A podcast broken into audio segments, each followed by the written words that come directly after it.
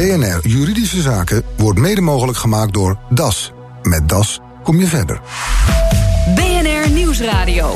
BNR Juridische Zaken. Van Liemt. De Amerikaanse president heeft Europa met importheffingen de handelsoorlog verklaard. Europa laat het er niet bij zitten en slaat terug. Collega Nelke van der Heijden, wat is ook weer precies aan de hand? De Europese Unie is echt woedend. Protectionisme klonker. En zo doe je geen zaken met bondgenoten, zei Eurocommissaris Malmström. Nou, het gaat om die importheffingen die op staal 25% en aluminium 10% die Amerika per 1 juni heeft ingevoerd. En daar ontkwam Europa ook niet aan? Nee, daar had de EU een beetje op gehoopt. Ook voorzichtig charme-offensief uh, in gezet om Trump op andere gedachten te brengen, maar tevergeefs. En nu slaat de Unie dus terug. Ze wil dat er een geschilcommissie komt uh, bij de WTO die bekijkt of de heffingen terecht zijn. En ondertussen heeft ze zelf ook een lijst opgesteld van Amerikaanse producten, waar dan natuurlijk ook importheffingen voor gaan gelden. En dat is niet zomaar een lukraak lijstje. Nee, ze hebben echt producten gekozen uit staten waar de Republikeinen die uh, van Trump het grootst zijn. dan moet je denken aan whisky uit Tennessee en Harley's uit Wisconsin en sinaasappelen uit Florida. Ja, mooi lijstje. Dankjewel, Nelke. Mijn gast is Pieter-Jan Kuiper. Hij is emeritus hoogleraar internationaal economisch recht. Hij heeft jaren de juridische dienst van de World Trade Organisatie geleid. Meneer Kuiper, welkom. Uh, naast u staat, die gaan we straks pas horen, maar we kondigen hem even vast aan als een tease. Dat je denkt, nou, het, het, wordt nu al leuk, maar het wordt eigenlijk nog leuker. Namelijk met uh, Axel Hagedorn van, van Dieper van de Kroef Advocaten. En waar gaat het over?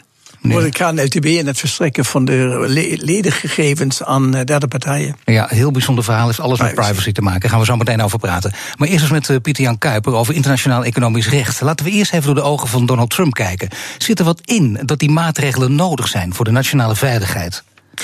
Eh, het is misschien goed om één stapje terug te doen en om te kijken wat voor maatregelen uh, een land als de VS, een organisatie als de EU, allebei lid van de WTO, kunnen nemen en toch eenzijdig kunnen nemen en toch binnen het kader van de WTO kunnen blijven. Allereerst is, zijn dan maatregelen nodig tegen plotselinge uh, enorme groei in de importen. Uh, dat zijn zogenaamde vrijwaringsmaatregelen. Wanneer er plotseling een heleboel uh, graan Europa zou binnenkomen vanwege mondiale overproductie, dan zou dat een mogelijkheid zijn om je daartegen te verweren. Daarnaast zijn er nog de zogenaamde anti-dumpingmaatregelen, voor als wanneer bepaalde goederen tegen, kost, tegen, tegen prijzen lager dan de kostprijs verkocht worden. En er zijn zogenaamde anti-subsidiemaatregelen. dat is ook duidelijk een, een, een unfaire manier van handelbedrijven uh, gebruik maken van staatssubsidies. Maar nu het argument hè, dat die maatregelen nodig zijn, zegt Donald Trump, voor de nationale veiligheid van Amerika. Dat is inderdaad ook mogelijk binnen de WTO. Uh, daar bestaan natuurlijk al lijsten van strategische goederen waarover landen, met name in het Westerse bondgenootschap, het al lang eens zijn en die algemeen uitgezonderd zijn van uh, uh, de regels van de WTO. Maar uh, in Amerika is er een wet, de zogenaamde, ja, een bepaalde bepaling van een wet, 232 van de Trade Act. 232, hè? Ja. ja. Nee, ik heb hem ook altijd uh, paraat, ja. ja. En dat, die uh, wet zegt, uh, een product dat in zulke hoeveelheden en onder zulke omstandigheden wordt geïnterpreteerd dat er een bedreiging van de nationale veiligheid bestaat. Uh, een bedreiging, hè, dus niet de echte aantasting al, die al geschied is, nee, een bedreiging van de nationale veiligheid. Dan kunnen extra eh, rechten opgelegd worden, invoerrechten opgelegd worden. Dus hij moet dit, deze weg bewandelen. Hij moet deze weg bewandelen. Wil hij uiteindelijk uh, bereiken wat hij wil bereiken? Volgens zijn eigen wetgeving, ja. En daar zijn bepaalde onderzoeken ingesteld door uh, de United States Trade Representatives en door het Department of Commerce en zelfs door het Department of Defense in de Verenigde Staten om te kunnen stellen dat grote hoeveelheden staalimporten op dit moment de veiligheid veiligheid van de Verenigde Staten zouden. Ik heb een paar economen hier met name over gehoord. En die zeggen dat is eigenlijk heel gek. Want waar komt het nu in feite op neer? We snappen dan dat u juridisch deze weg wandelt. Dat Trump dat doet. Hij moet wel, als, hij tenminste, als je zijn lijn volgt. Maar gek dat hij dit zegt. Want hij zegt dus eigenlijk dat Europa een bedreiging is voor Amerika. Terwijl Amerika, of de EU, en terwijl Amerika natuurlijk uh, ja, aan, aan de wieg stond van de EU bijna. En de EU ook uh, de loyaalste bondgenoot geweest is. Ja, uh, het argument dat met name wordt aangevoerd op dat gebied.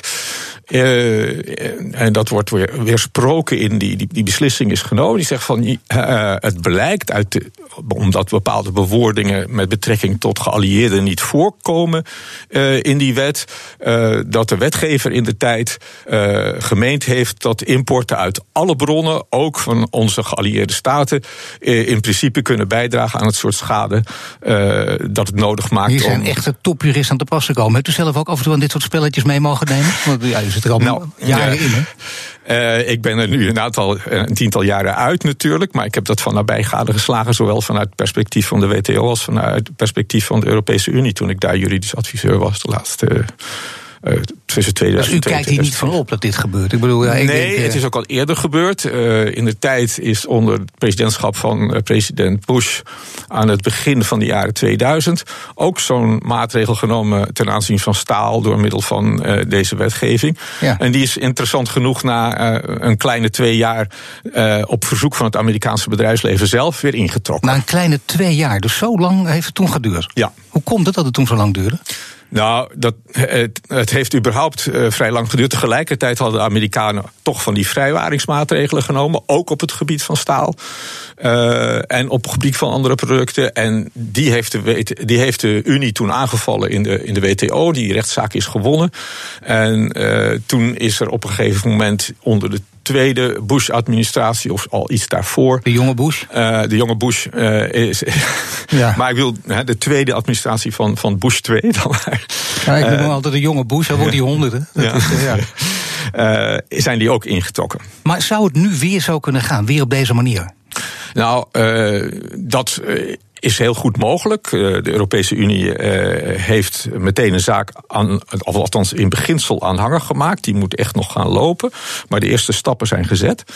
Uh, en de Europese Unie heeft gezegd van ja, in feite zijn dit helemaal geen maatregelen voor bescherming van de nationale veiligheid. Zo kun je ze helemaal niet kwalificeren. Eigenlijk zijn het vrij, vrijwaringsmaatregelen. Ja, dat zou ik meteen ook zeggen. Maar kijk, u bent een juridische zeer geschoold, dus u kijkt er anders tegenaan. Zijn er topjuristen die dit zo kunnen draaien dat dit wel degelijk kan? Nou, kijk, beide uh, landen balanceren op het scherp van de snede hier. Het is heel moeilijk, denk ik, voor de Verenigde Staten om uiteindelijk in, de stelling in stand te houden uh, dat dit werkelijk nodig is uh, om strategische redenen, om veiligheidsredenen. Ja. Zo beroerd staat de Amerikaanse staalindustrie er nou ook weer niet voor. en voor een deel zijn de problemen die daar heersen vooral door de, de groeiende uh, automatisering enzovoorts uh, gecreëerd eerder dan door importen. Het enige wat er gezegd kan worden is dat er een algemene overproductie van staal is op de wereldmarkt. En die is voornamelijk uh, te danken of te wijten aan, aan China, die ja. een te grote capaciteit heeft. Het verhaal nog wat ingewikkelder maakt. Maar toch, als je kijkt naar deze maatregel, zo gek is het ook er niet. Ik bedoel, wie de verkiezingsstrijd gevolgd heeft, die weet dat Trump dit had kunnen doen. Het heeft hij voorspeld, notabene. En mensen doen het toch, hoe is het mogelijk? Hoe kan het? Terwijl, ja, je zag dit aankomen. Hij ja, doet nou, gewoon wat hij beloofd dat, heeft. Uh, dat betekent gewoon dat mensen niet voldoende naar eh, de heer Trump geluisterd hebben en hem niet serieus genomen hebben. Er waren allerlei oppervlakkige redenen voor om dat niet te doen. Uh, maar, inderdaad, wel kunnen luisteren. Hij, hij, gewoon, hij doet nu wat hij gezegd heeft. Ja, en dat is ook zijn bedoeling, want hij wil de tussentijdse verkiezingen winnen. Uh, en sterker nog, vandaag is er een tussentijdse uh, verkiezing in, in Pennsylvania, die ook van groot belang is, waar de Republikeinen vorige keer ruim gewonnen hebben, maar er een kleine kans is dat de Democraten deze keer zouden winnen. Nee, maar los daarvan, het is op zichzelf niet zo gek dat een doet wat hij belooft en dan zijn anderen daar heel verbaasd over, want die denken, ja, zo vaak zal het niet lopen. Ja, maar uh, het is natuurlijk. Hele andere codes toch? Hè, die, uh... Het is natuurlijk ook een kwestie van in hoeverre wenst een politicus te luisteren naar zijn juristen en zijn raadgevers op economisch gebied. Want er zijn ook een heleboel economen te vinden die zeggen dat dit toch wel niet zo'n zo'n goed idee is. De EU kan terugslaan, probeert het ook, levert haar eigen lijstje van producten in waarop importheffingen gaan gelden. mag dat? Is, is gewoon dat, dat de juiste juridische weg om die te bewandelen? Uh, ik zei al, men beweegt zich op het scherp van de snede. Uh, de Verenigde Staten enerzijds door te beweren dat dit nodig is voor uh, de handhaving van de nationale veiligheid. De Europese Unie door, die door dat te kwalificeren als gewone vrijwaringsmaatregelen. En te zeggen van jouw beroep op die uitzondering, die, die kan niet gehonoreerd worden dat verschaft de Unie de juridische mogelijkheid om als na een korte periode van overleg van 90 plus 30 dagen. Uh, 120, hè? Ja. het is best lastig, maar ik maak hem gewoon even. Ja. Uh, de uh, Verenigde Staten geen compensatie heeft aangeboden nee. voor die vrij, vrijwaringsmaatregelen. Want dat staat voorgeschreven in uh, de desbetreffende bepalingen van de WTO. Dat dan de Unie op zijn eentje die compensatiemaatregelen Nog mag één vraag met een kort antwoord graag, meneer Kuiper. Daar gaan we ja. straks uitgebreider over door. Uh, iedereen heeft het over een handelsoorlog. Is dat een terechte term of niet? Dat kan nee, het worden. Ja, nee. Dat kan het worden. Kan het worden, maar het is het nog niet. Nu nog niet. En ook we hebben gezien dat het in de tijd bij de jonge Bush uh, redelijk is. Nou, uh, nee, is, is. We praten er zo over. Europa wil de handelsoorlog uitvechten bij de Wereldhandelsorganisatie. Maar neemt Amerika dat orgaan nog wel serieus? BNR Nieuwsradio. BNR Juridische Zaken. Europa heeft wellicht recht van spreken en stokken om via de WTO mee te slaan. Maar Amerika haalt ondertussen de juridische basis onder de handelsorganisatie weg. Daar praat ik over door met Pieter Jan Kuiper. Hij is emeritus hoogleraar internationaal economisch recht. En straks ga ik praten met ondernemersrechtadvocaat Axel Hagedorn. Het gaat over privacy. Maar uh, Axel Hagedorn die heeft uh, bij het gesprek, uh, hij staat hier nu in de studio naast ons, we hoorden je net al. En ja, ik heb een essentiële vraag gemist gewoon. Dat kan eigenlijk niet, maar gelukkig sta je hier om, om dat even te corrigeren. Nou, ik, ik vind het wel verbazingwekkend. Ik lees het al die hele tijd. Die vraag van de, de, de nationale veiligheid van de WS is in, uh, in het geding bij die, bij die vraag van de importen van staal en, en de andere producten. En ik zou graag willen begrijpen in hoeverre dat überhaupt het nationale veiligheid in, in, in, ja, in geding kan zijn. Uh, nou, als je dat rapport leest, wat uitgebracht is aan de president, officieel, zodat hij even zijn beslissing ja. kan nemen. Moet wel het rapport lezen, natuurlijk. Nee, door, dat scheelt. Dat heb ik toch wel gedaan. Nee, is, dat is misschien ook nog goed om te zeggen. Uh, veel mensen vragen zich ook af hoe kan dat zomaar dat de Verenigde Staten dat doen. Uh, de president heeft speciaal deze weg gekozen, zodat hij alles kan beslissen. En het congres, wat op zichzelf veel te zeggen heeft over de handel, daar niet in kan ingrijpen. Tenzij het congres zich daar officieel door een stemming tegen verzet. Nou, dat zal niet gebeuren met een democratisch uh, uh, congres op dit moment. Goed, over die uh, bedreiging van de, de nationale veiligheid, veiligheid van de Verenigde Staten. daar wordt geredeneerd van, uh, kijk eens, we hebben staal nodig voor allerlei essentiële zaken die we moeten produceren. Uh, allerlei speciale staalsoorten staan trouwens al op die lijst van strategische goederen. Uh, we hebben een, een redelijke, robuuste staalindustrie nodig in de Verenigde Staten. Die is nu erg zwak door al die ongeoorloofde, tussen aanhalingstekens, buitenlandse concurrentie. Ehm, en dat kunnen we alleen maar handhaven door uh, die hele industrie in stand te houden. Ook voor eenvoudige staalproducten. Uh, en uh, daarom is het gewettigd dat wij op alle staalproducten, of bijna alle staalproducten, zijn wel categorieën opgesomd in die lijst. Ja, maar gaat een beetje, ik snap de vraag natuurlijk wel, want dat denken veel mensen inderdaad. Alsof er kernraketten vanuit de EU opeens op Amerika gericht staan.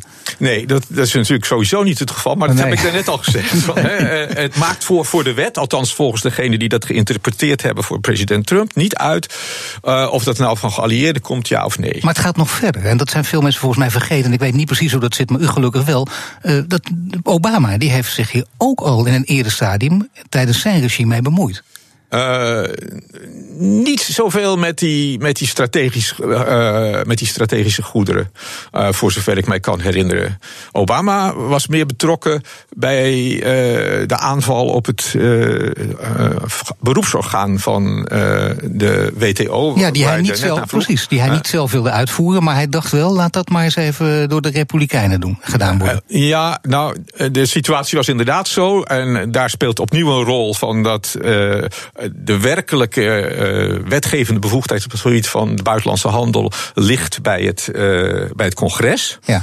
En uh, het is dat gebied van algemene in- en export dat nu als het ware door de toepassingen van die sectie 242 Uh, 232, pardon. 232, ja, nee, ik wou net zeggen, ja, 232, kom op. Uh, aan, aan de president wordt overgebracht. daar heeft Obama zelf geen gebruik gemaakt, maar die heeft wel in de tijd het congres in gang laten gaan om die, de USTR, de United States Trade Representative, heel kritisch te laten optreden tegen wat het appellate, appellate body, het beroepsorgaan van de WTO, besloot in veel gevallen. Meneer we moeten misschien ook even kijken, zeker gezien de tijd, wat er voor Nederland allemaal op het spel staat. Want Nederland wordt met het staal relatief zwaar getroffen.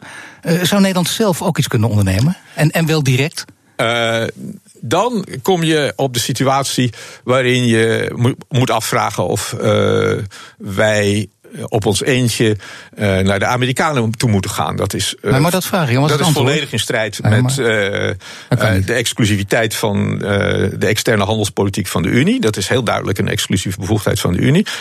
je, maar je ziet al bewegingen her en der. De Duitsers zouden liever willen dat. Dat is voor Axel goed om te weten. De Duitsers ook. Wat zouden die precies willen? die, die zouden liever willen dat nooit aan de volgende etappe wordt begonnen door Trump. Wanneer die eventueel dezelfde reden toepast om Duitse uh, auto-industrie te treffen in zijn export. Nou ja, daar heeft hij al een beetje op gezinspeeld door hè, provocerend te roepen: er moeten hier minder Mercedes'en door de straten rijden. Ja, daar kan hij niks aan doen, want er zijn enorme Mercedes-fabrieken in de Verenigde Staten ook. En dat, dat geeft ook alweer aan. Dat is een van de redenen waarom mensen Trump niet serieus nemen. Omdat ze, maar misschien is dat een misvatting om dat te doen. Dat hij dat eenvoudig niet weet, of hij schijnt te weten. Een groot deel van uh, Duitse auto's in de Verenigde Staten worden uh, gebouwd. Met uh, een groot aandeel in de werkgelegenheid, met name in de zuidelijke staten. Lijkt alles met een sisse af te lopen? Of is het echt volstrekt, ook voor u, die hier jarenlang in heeft rondgelopen in deze wereld, voor u al volstrekt onvoorspelbaar? Het is, uh, het is heel riskant allemaal. Het is echt uh, iets wat uh, ja, tot verdere tit voor tat kan leiden. Op een gegeven moment. Hè, want Trump begint al te praten over wat hij zal doen wanneer de Europeanen tegenmaatregelen ja. nemen. Nou ja, dan zijn we werkelijk in de aap gelogeerd. maar wat is dat in de aap gelogeerd? Wat gebeurt er dan? Nou, dan krijg je een situatie waarin elk zijn eigen industrie tot het uiterste begint te beschermen. Want daar gaat het uiteindelijk om.